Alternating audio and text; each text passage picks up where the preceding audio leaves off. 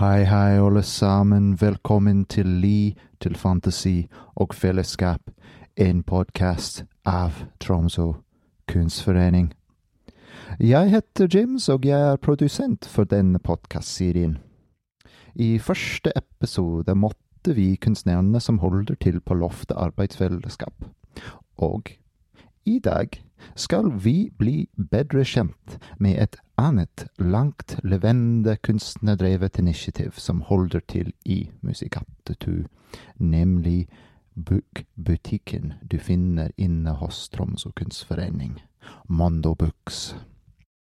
I will now switch to English, as today's episode will be in English, as we will be meeting Tanya Bussey, an artist who lives and works in Tromsø, but is originally from Canada. She is one of the team behind Mondo Books, a publishing and distribution platform for artists' books. Mondo also runs the bookshop you will find at Tromsø Kunstforening, and in 2020 they organised the first Arctic Art Book Fair. The music in this episode has been contributed by Tromsø based artist and musician Jack's Broken Head, and our theme song is, of course, by Andre Enger Aas.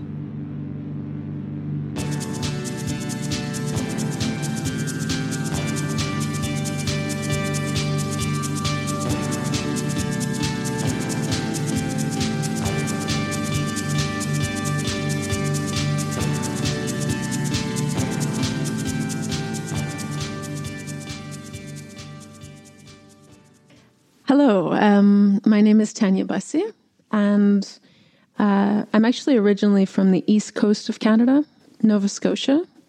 Um, but I've been living and working in Tromsø since 2014. Um, I'm a visual artist, and a lot of my practice is based around, um, yeah, contested landscapes and I guess industries um, that are prevalent today and I work a lot with installation and video and moving image. Um, but I also am part of Mondo Books, um, which is an independent book platform based here in Tromsø. And we're sort of multifaceted. We uh, run a risograph studio. We also have a bookshop, as well as we do various events, um, both in Tromsø and outside of Tromsø. And we also try to focus on art publications, fanzines, and printed matter by young and newly established artists in the area. It is currently run by myself, um, along with Lynn Hornfent, Miriam Heil, Marion Bouvier, and Anne Müller Lindgård. And those are the core members, but we also have, um, yeah, friends and colleagues uh, that come in and out of various projects, depending on what we're working on.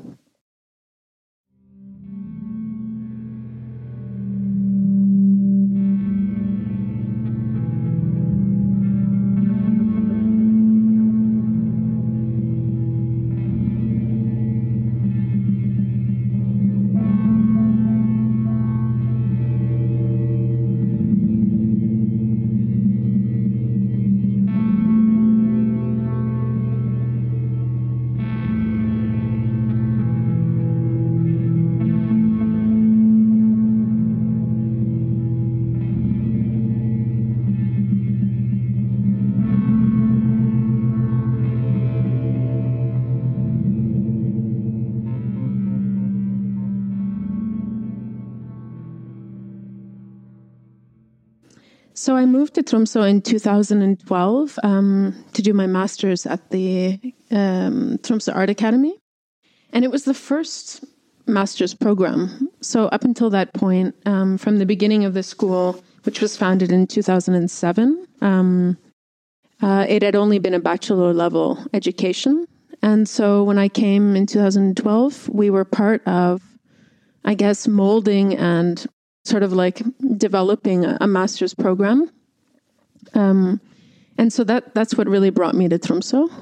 And uh, also the program because it had a different profile than a lot of other master's programs. It was a themed master's. Um, and our, our thematic was art, sustainability, and capitalism.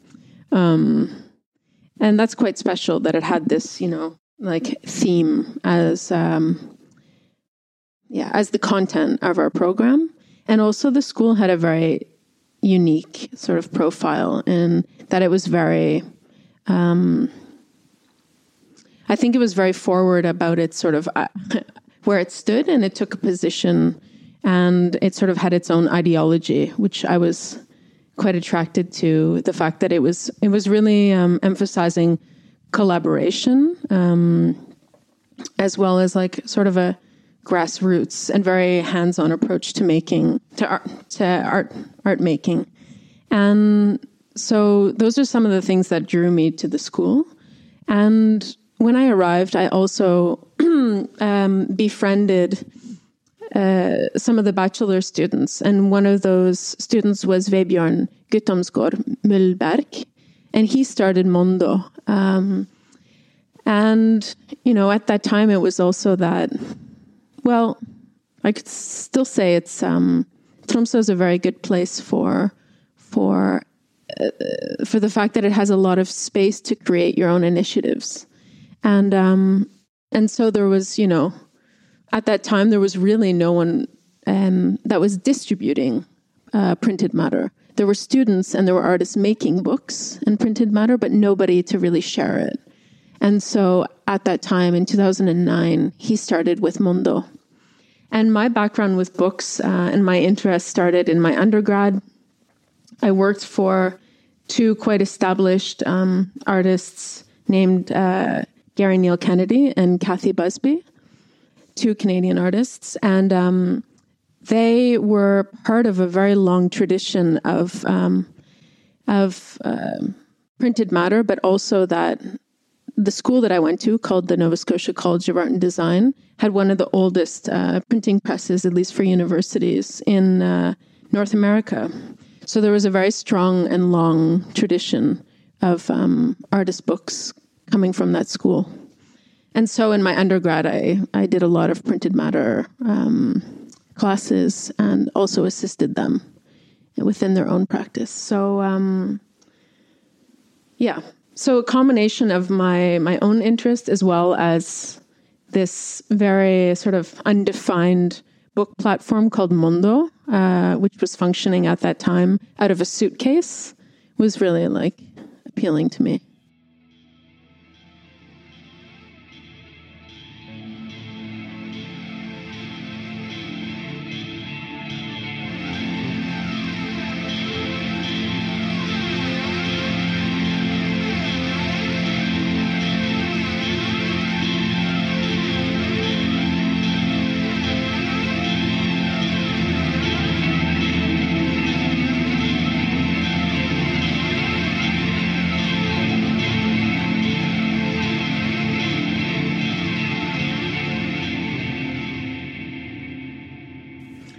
So Mondo was established in 2009 by Vebjørn Guttormsgaard Mullberg, um, who was a student at the academy.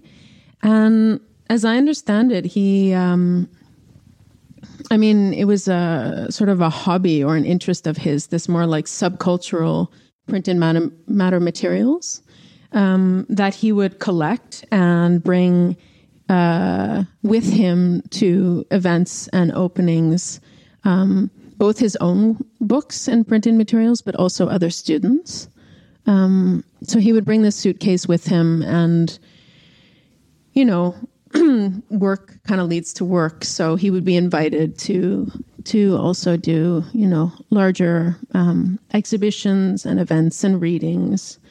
And then when I arrived in 2012, um, Miriam and Lynn were both involved, and um, at that time, we didn't have a, a permanent space. We had a lot of box boxes of materials at Kurant. Um, they were sort of like a temporary home for Mondo. And in 2015, we were actually invited um, by Leif Magne Tangen to um, have a permanent space, or yeah, semi-permanent space in the the Tromsø Kunstforening. And so we were super eager to do that, uh, to have a space to both um, make accessible the the books that are being produced locally, but also bring in international materials for an audience here. You know, um, so that there's that kind of exchange between the local and the global.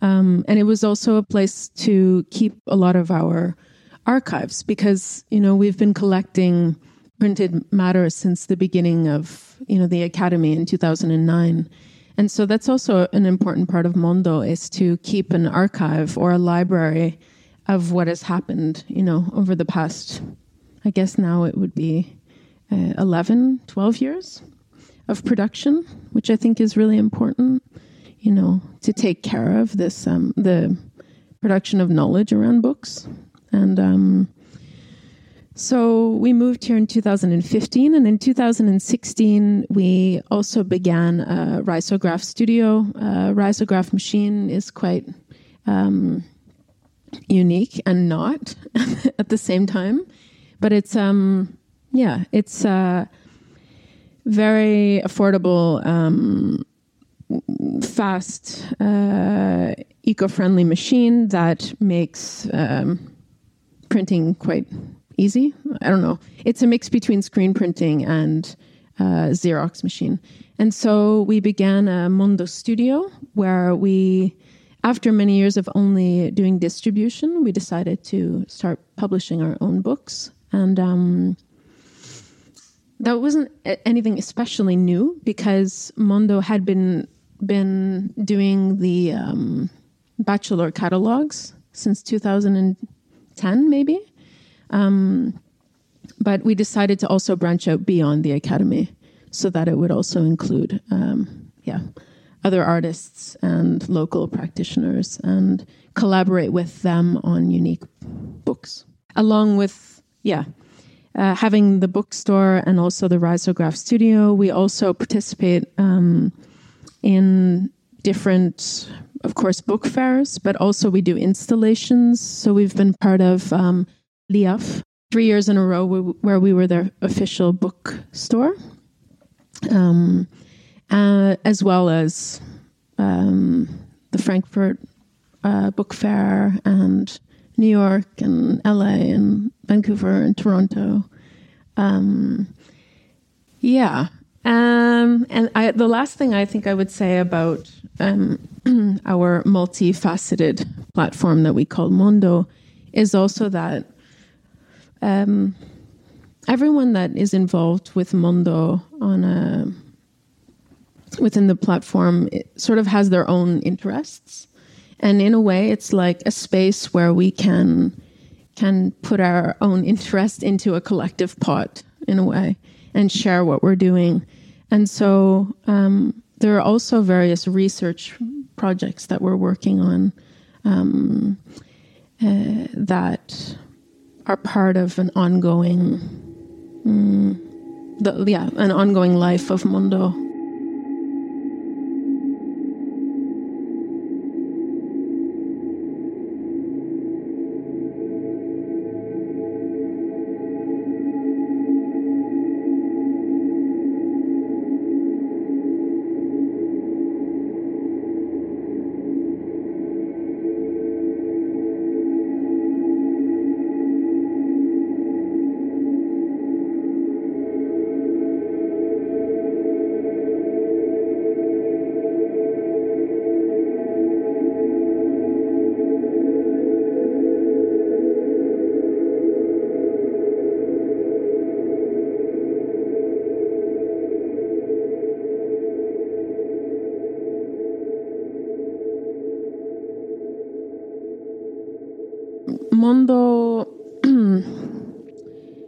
Of course, we initiate some things, um, whereas other projects are sort of come to us. Um, but I think that what we are really trying to to do is to, I think that promote uh, knowledge and also promote the production of books in the north. And a lot of our collaborators um, and partners are within the northern regions. So we look more actually horizontally rather than uh, vertically towards the south and what's happening there. And I think we also try and create um, a community around books. And our focus has really been committed to Arctic content, um, Indigenous perspectives, underrepresented voices. So that's also books by by women and um, uh, yeah, with various backgrounds, queer perspectives, um, and also books that emphasize like cross border collaborations. So that also extends beyond, you know, Norway to yeah, and Sapmi to really uh, you know Sweden, Finland, Russia, to see also uh, to see similarities, but also differences. You know, and not really to lump all of these like circumpolar areas together, but really, um, it's interesting when you start to draw draw out these materials and also any kind of history of publishing in the north, um, what you will find. And so, uh, this focus on sort of Arctic content has been quite important to Mondo, um, and also really just supporting, I would say, artists that are interested in working with books um, on different levels of production, or you would say the anatomy of a book. So, from the beginning phases of a book, um, like the design and layout, um, to the printing part of it, and also how to distribute it. And yeah, it's like a system in a way that I guess we're, in a very DIY way, trying to um, to figure out. So in 2019, Mondo was invited um, by the Troms and Finnmark municipality to um, to help promote the production of books in the north, and they approached us and asked us if we would be interested in um, in creating a book fair, an Arctic art book fair.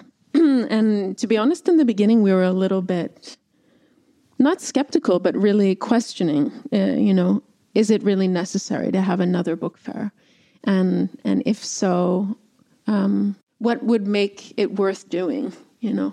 So we really discussed a lot about, you know, um, how to make maybe the, the book fair unique to here. And the book fair ended up being a, it was a really great event. It took place last November, um, 14th to 16th, and it was held at Alfheim Svømmehall, so um, the old swimming hall. Beautiful modernist um, 60s swimming hall that has also been up uh, for debate quite recently.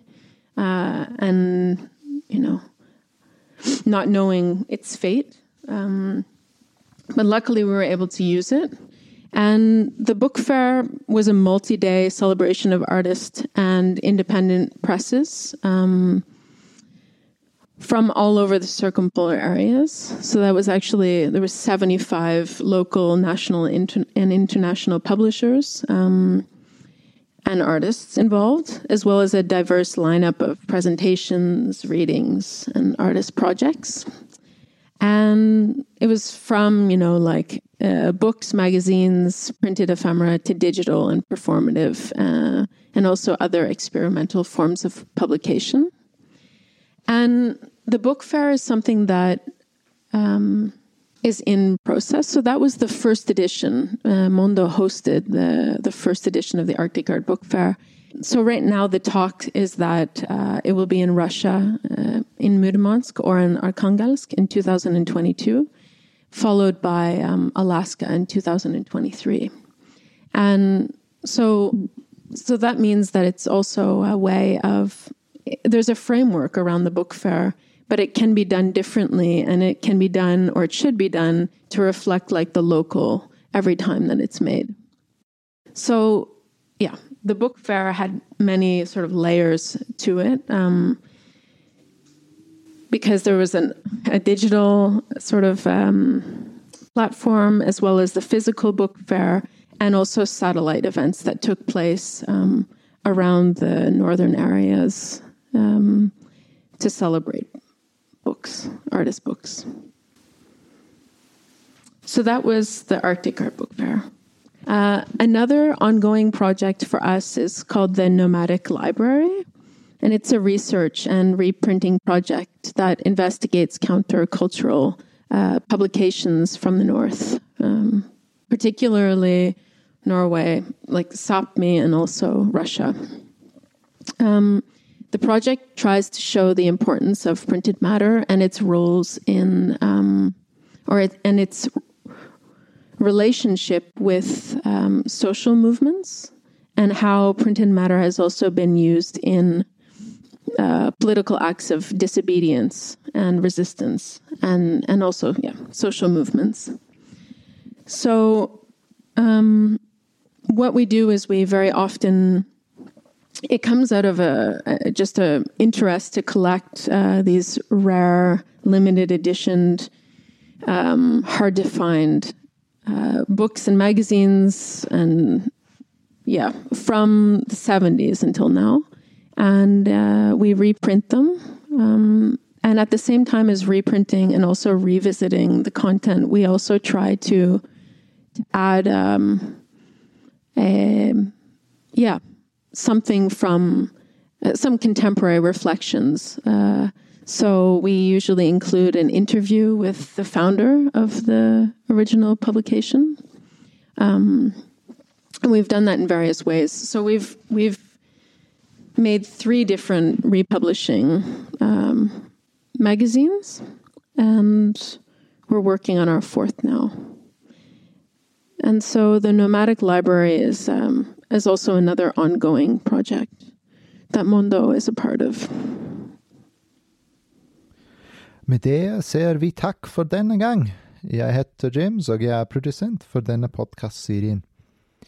Ansvarlig redaktør er Leif Magne Tangen, og Camilla Fagerli har bidratt med innspill til manus. Podkastens kjenningsmelodi er laget av Andre Enger Aas.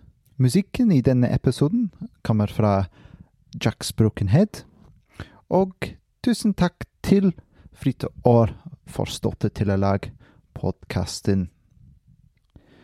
Følg oss på din favorittkanal. Vi er tilbake om to uker igjen.